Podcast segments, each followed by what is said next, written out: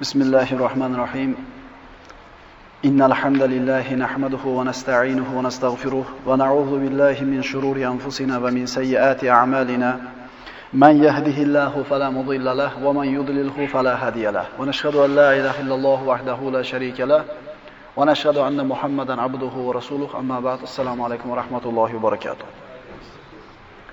Payg'ambarimiz Muhammad Mustafa sallallohu alayhi vasallamning siyratini o'rganishda davom etamiz.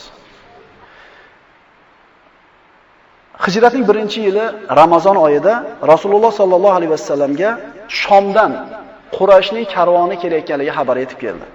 Bu karvonning boshlig'i Abu Jahl edi, unda 300 ta kishi bor edi.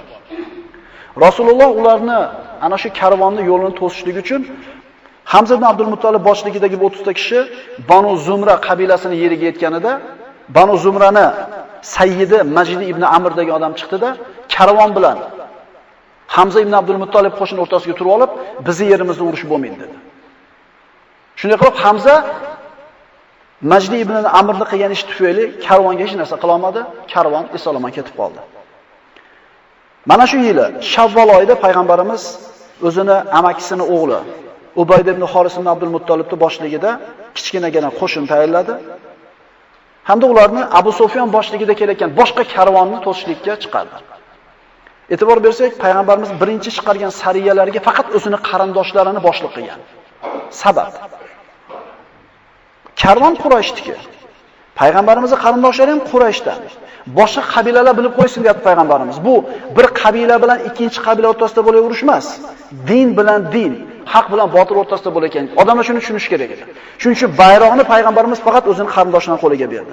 Ubayd ibn Xorisning qo'shini muhojirlardan iborat 60 kishi edi.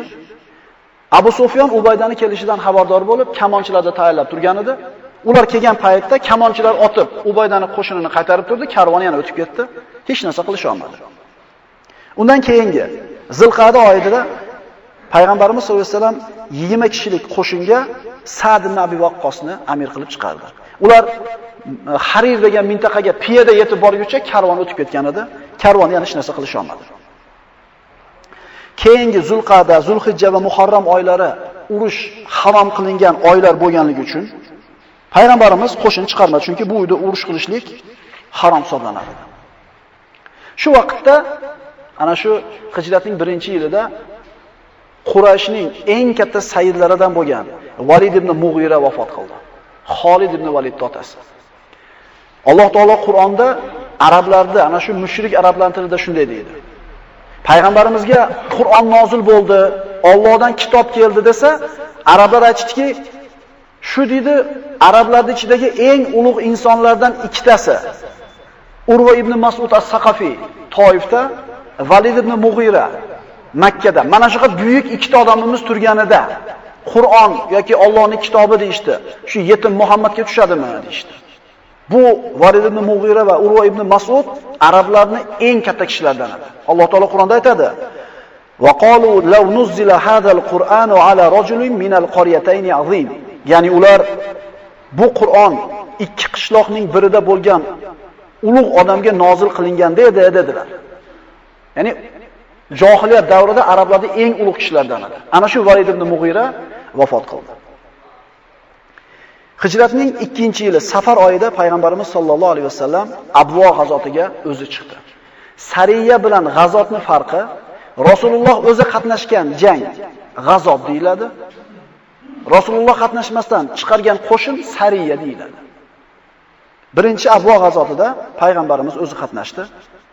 Banu Zumraga yerga yetganida Banu Zumra sayyidlaridan Vahshi ibn Amr karvon bilan payg'ambarimiz o'rtasida turib sulh tuzishlikka, ana shu Banu Zuhra, Banu Zumra qabilasi bilan sulh tuzishlikka talab qildi. Payg'ambarimiz birinchi marta mushriklar bilan Banu Zumra qabilasi bilan tinchlik sulhiga imzo chekdi. Safardan keyin Robiul avval oyida payg'ambarimiz Buvat g'azotiga chiqdi. 200 ta otli kishi bilan. Birinchi marta 200 ta otli qo'shin to'plandi. Qurashni Shomdan kelayotgan karvoni 2,5 mingta tuyadan iborat edi. Boshlig'i Umayyat ibn Xalaf edi. 100 ta qo'riqchisi bor edi. Lekin karvon qochib ketishlikka muvaffaq bo'ldi. Keyingisi Ashira g'azoti, Jumadul avval oyida Qurash karvoni yo'lini to'sgani chiqishdi. Banu Mudlij yerlariga yetganida Ana shu qabilaning sayyidlar oraga tushdi, yana jang bo'lmadi. Ashira g'azotda payg'ambarimiz bir oy turib, ana shu e, Banu Mudlij yerlarida qaytib kelganida Madinaga Kirz ibn Jabir Fihri Madinani tashqarisidagi dehqonlarga Madinaga kelib hujum qildi. Bir qancha dehqonlarni o'ldirib, mevalardan xurmolarni olib qochib ketdi. Birinchi bo'lib bu xabar payg'ambarimizga yetib kelganda yolg'iz o'zi otda minib, ana shularning orqasidan quvib chiqdi. Payg'ambarimizni chiqib ketganligini eshitgan sahobalar tezlik bilan yig'ilishdida Kirz ibn Jabir Fihriyni quvib borishdi, u qochib ketishlikka muvaffaq bo'ldi. Badr g'azotidan avval sodir bo'lgan oxirgi sariya Abdulloh ibn Jahsh sariyasi. Abdulloh ibn Jahshga payg'ambarimiz 7 ta muhojirni jamlab, ularga boshliq qilib Abdulloh ibn Jahshni tayinladida, qo'liga maktub berdi. "Ey Abdulloh, mana xatni 2 yo'l yurganingizdan keyin o'qiysizlar" dedi. O'qiganingizdan keyin hech kimni majbur qilmang dedi. Bu 8 ta muhojir Madinadan chiqib ikki kun yurganidan keyin xat ochganida payg'ambarimiz sollallohu alayhi vasallam Qurash karvonini topsa, undan o'lja olishni imkoniyati bo'lsa, o'lja olinglar. Sahobalarni majbur qilmang dedi. Xat o'qib berganida qolgan 7 ta hamroh ham rozi bo'lishdi. Karvonni kelishigidan xabar topib yo'lda turishar ekan bu 8 ta sahoba. Sa'd ibn Abi Waqqas bilan Utbat ibn G'azvonni bitta tuyani almashib minib ketishgan. Kambag'alchilik shu darajada bo'lgan. Tuya qochib ketdi-da, hali tuyani tutgani ikki sahoba ketdi. 6 tasi qoldi. 6 tasi poylab turdi. Karvon kelayotganligini ko'rib pistirma bilan turishganida bu karvonga hujum qiladigan kuni Rajab oyining oxirgi kunida. Rajab oyi urush qilish mumkin bo'lmagan oy. Rajab oyining oxirgi kunida turib, bu sahobalar Rajab oyi chiqib ketdi. Endi urushsak bo'laradi degan kayfiyatda turishdi, lekin Rajab oyi chiqmagan edi. Bu oltita sahoba karvonga hujum qilishdi. Karvonda odamlar qochib ketdi. Karvonni boshlig'i Amr al-Hadramiyni o'ldirishdi. Hakam ibn Haysan va Usmon ibn Abdullohni asir olishdi. Qarang, 20 ta, 30 ta, 60 ta, 200 ta odam hech narsa qila olmadi bundan burungi karvonlarda. Lekin Allohning taqdiri 6 ta odam butun bir karvonni asir qilib qo'yishdi. Lekin mushkula nimada? Rajab oyida bo'ldi. Bu narsadan xabari yo'q. Islomda birinchi maqtul, birinchi asir, birinchi g'animalar keldi. Lekin mushkula Rajab oyida bo'ldi. Payg'ambarimiz oldiga kelishib, g'animalarni berganda payg'ambarimiz sollallohu alayhi vasallam olmadi. Qanday qilib Rajab oyida, harom oyida jang qilasizlar? Bu 4 oyda jang qilishlik hatto mushrik arablar uchun ham harom narsa edi. Juda katta narsa hisoblanadi, ayib hisoblanadi. Quraysh Madinaga elchi yuborishdi. "Ey Muhammad, Shahrul Haromni o'zingga halol qilib oldingmi? Nimaga qon to'kib urush qilding?" deganida payg'ambar sollallohu alayhi vasallam elchilarga aytdilarki, "Yo'q, bu ish xato bo'ldi. Rajab oyi chiqib ketdi deb o'ylashibdi. Biz uzr so'raymiz" dedi. Asrlarni qaytarib ber ikkita odamni deganida payg'ambarimiz yo'q dedi. Utubat ibn G'azvon bilan Sa'd ibn Waqqos hali kelmagan edi. Ular qaytib kelsin, shunda beraman dedi. Shunda arablar, mushriklar butun arab qabilalari o'rtasida musulmonlar Shahrul Haromni o'zlariga halol qilib degan gap tarqatishdi. O'zlarini qilgan gunohi katta, lekin musulmonlarni mana shu qilgan ishini kattaroq deganda Alloh taolo Qur'onda oyat nozil qildi. Yas'alunaka anish shahril haromi qitalin fi qul qitalun fihi kabir va saddun an sabilillahi va kufrun bihi val masjidil haromi va ikhroju ahlihi minhu akbar indalloh val fitnatu akbaru minal qatl. Sizdan shahri harom, urush harom bo'lgan oyda jang qilish haqida so'raydilar. Ayting, u oyda jang qilish katta gunohdir. Allohning yo'lidan to'sish, unga ishonmaslik va Masjidul Haromdan, ya'ni Makka dan to'sish va undan ahillarni quvib chiqarish Alloh nazdida ulug'roq gunohdir. Fitna aldash, o'ldirishdan da kattaroq gunohdir. Bular shahrul haromda bilmasdan gunoh qilib qo'ygan bo'lsa, sizlarni qilgan ishinglar bundan kattaroq. Haq dinni to'sdinglar, Makka da tug'ilganlarni yurtidan haydab chiqardinglar. Bu fitna edi. Fitna odam o'ldirishidan ko'ra qattiqroq dedi. Mana shu vaqtda bo'lgan ishlardan qiblani o'zgarishligi. Rasululloh Makka da turgan paytida o'zi asli qibla mana tomonga qarab bo'lgan, teskari bo'lgan. Makkada. Makka da Makkada payg'ambarimiz turganida Alloh taolo payg'ambarimizga Baytul Maqdisga qarab namoz o'qing deb buyurgan edi. Payg'ambarimiz Ka'baga qarab namoz o'qishni yaxshi ko'rar edi. Shuning uchun nima qilardi? Baytul Maqdisga qarab turardi, Ka'ba o'rtada bo'lishiga harakat qilardi. Ya'ni Ka'bani orqa tomoniga shunday turardiki, oldida ham Ka'batulloh, ham uning orqasida Baytul Maqdis bo'lardi. Endi Madinaga ko'chib borganidan keyin Ka'ba janubda qolib ketdi. Baytul Maqdis shimolda. Rasululloh namozga tursa, Ka'ba qadi bo'lib qolyapti? Shunda payg'ambarimiz alayhisolatu vasallam osmonga qarab-qarab qo'yardi namozda yoki ko'chada. Rasululloh osmonga qarab qo'yardi. Ya'ni qibla Baytullohga, Makkaga burib berilsa edi degan rag'bat bor edi. Hali payg'ambarimiz duo qilmadi. Payg'ambarimiz Madinaga ko'chib borib 16 yoki 17 oy yashaganlaridan keyin Ibn Kasir keltiradi, Banu Salama yeridagi masjidda peshin yoki e, asr namozi deyiladi. 4 rakatli namozni ikkinchi rakatda turganida Alloh taolodan yuzingizni Masjidil Haromga buring degan oyat nozil bo'ldi. Shunda payg'ambarimiz sollallohu alayhi vasallam orqasida turgan Ka'batullohga yuzini burib, ikki rakat namozda Baytul Maqdisga qarab boshlab, 4 ikki rakatini, qolgan ikki rakatini Masjidil Haromga qarab tugatdi. Mana shunday qilib qibla o'zgardi. Astagfirullah. Qad nara taqalluba wajhika fis sama falanuwalliyannaka qiblatan tardaha fawalli wajhaka shatral masjidil harom. Alloh taolo aytdi: "Goho yuzingiz samoda kezganini ko'ramiz. Bas, albatta biz sizni o'zingiz rozi bo'lgan qiblaga buramiz. Yuzingizni Masjidil Harom, Makka tomoniga buring." Mana shu oyat bilan Ka'ba siz bilan biz uchun qibla bo'ldi.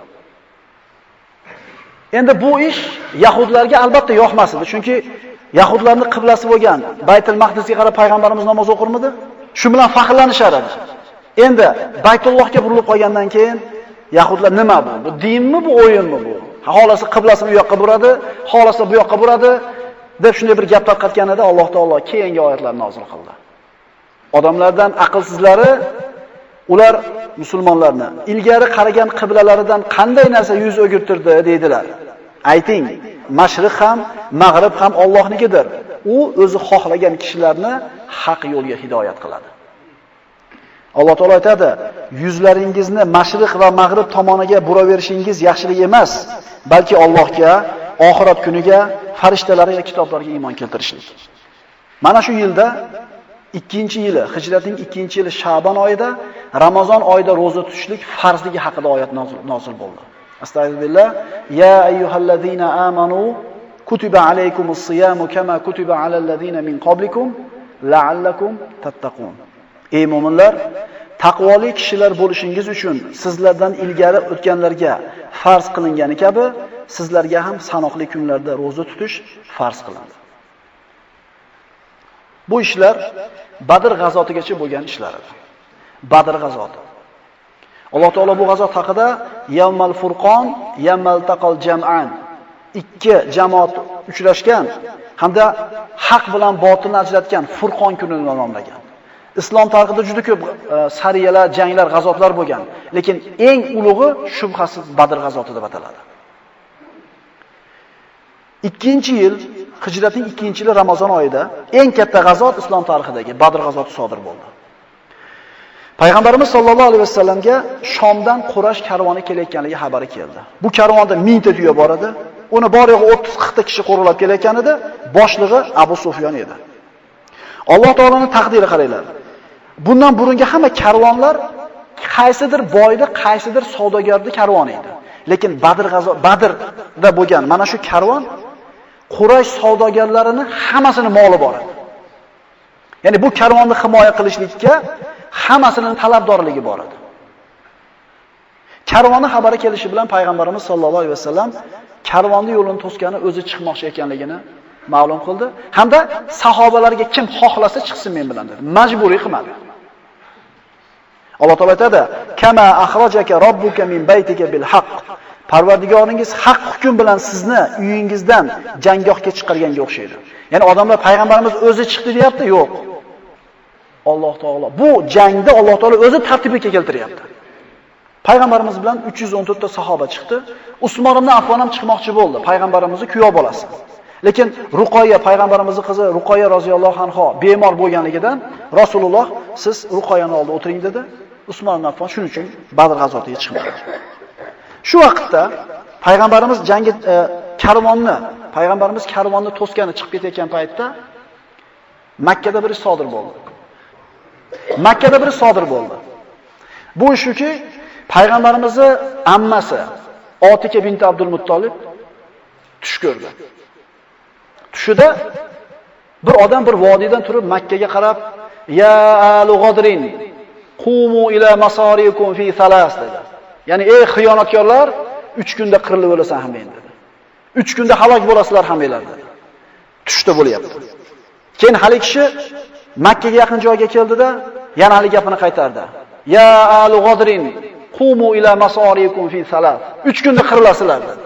Ey xiyonatkorlar. So'ngra Abu Qubays tog'iga, Ka'baga yaqin bo'lgan toqqa chiqib turib, bitta toshni oldida Makka tarafga qarab otdi. Hali tosh uchib ketar ekan, mayda-mayda bo'laklarga bo'lib, hamma Makkadagi uylarga bittadan kirib ketdi. Ertalab otiga o'rnidan turib, qo'rqib ketdi bu tushidan. Hamda o'zini inisi Abbos ibn Abdul Muttolibga "Menda tush ko'rdim" dedi. Deganida bu tushingizni hech kimga aytmang dedi. Dedi-da o'zi chiqib turib, Valid ibn Utbaga aytdi. Do'sti, menda tush bo'lib, birovga aytmagin dedi. Valid ibn Utba borib otasi Utbaga aytdi. Xullas, butun Makkaga tarqab ketdi. O'zingizni ichingizda turmagan sir qanday qilib birovda tursin? Yana deng, u sir oshkor bo'lsa sizga ziyon. Sizga ziyon bo'lishi mumkin bo'lgan narsani siz aytib o'rganingizdan keyin unga ziyoni bo'lmaydigan odam nimaga aytmasin? Xullas Makkaga tarqab ketdi. Abbos ertasi kuni chiqib Ka'bani tavob qilayotgandi. Abu Jahl o'tirgan bir majlis bor edi. Ka'bani oldida. Tavof qilayotganida Abu Jahl Abbosga "Ya Abu Fazl" dedi. "Tavofini tugatsang" dedi. Biz oldimizga kel gap bor dedi. Abbos hech narsadan xabari yo'q. Bu tushni hech kim eshitmagandek, tavof qilib kelib o'tirdi. Abu Jahl aytdiki, "Ya Abu Fazl" dedi. Bu qarab tursak, Bani Abdul Muttolibdan payg'ambarlar ko'payib qoptimi dedi. Nima deyapsan dedi? Ishinglarda erkaklardan payg'ambar chiqdi dedi, indamadik. Endi ayollar payg'ambar bo'lib qoldimi dedi. Endi ayollardan nabiy chiqyaptimi dedi. Nima deyapsan dedi? Ot ekanda tushun aytib berdi. Abbos harchand bu narsani yo'qligiga, yolg'onligiga bir tirishib urinib harakat qilmasin, lekin xabar tarqab bo'lgan edi. Shunda Abu Jahl aytdiki, Abbos dedi. Agar dedi, 3 kundan keyin biror ish sodir bo'lmasa, Arab qabilalarining orasida, arab urug'larining orasida Bani Abdul Muttolib urug'i eng yolg'onchi urug' deb yozib qo'yamiz dedi. Shu gap bilan gap tugadi. Abbos uyiga kelganida Bani Abdul Muttolibning ayollari yig'ilib Abbosni ma'lumot qilishdi. Qanday qilib biz urug'imizga shunday bir jur'at qilib yomon gapni gapirsa indamay turding? Indamay turaverdingmi deb ma'lumot qilishuvdi, ayollari qarang. Agar 3 kundan keyin dedi Abbos biror ish sodir bo'lmasa, Abu Jahl menga biror biror narsa demoqchi bo'lsa, albatta uni uraman. Agar menga yolg'onchi ekansizlar deb aytaman desa, uraman deb niyat qilib qo'ydi. Aqulu qawli hada va astagfirulloh li va lakum. Assalomu alaykum va rahmatullohi va barakatuh.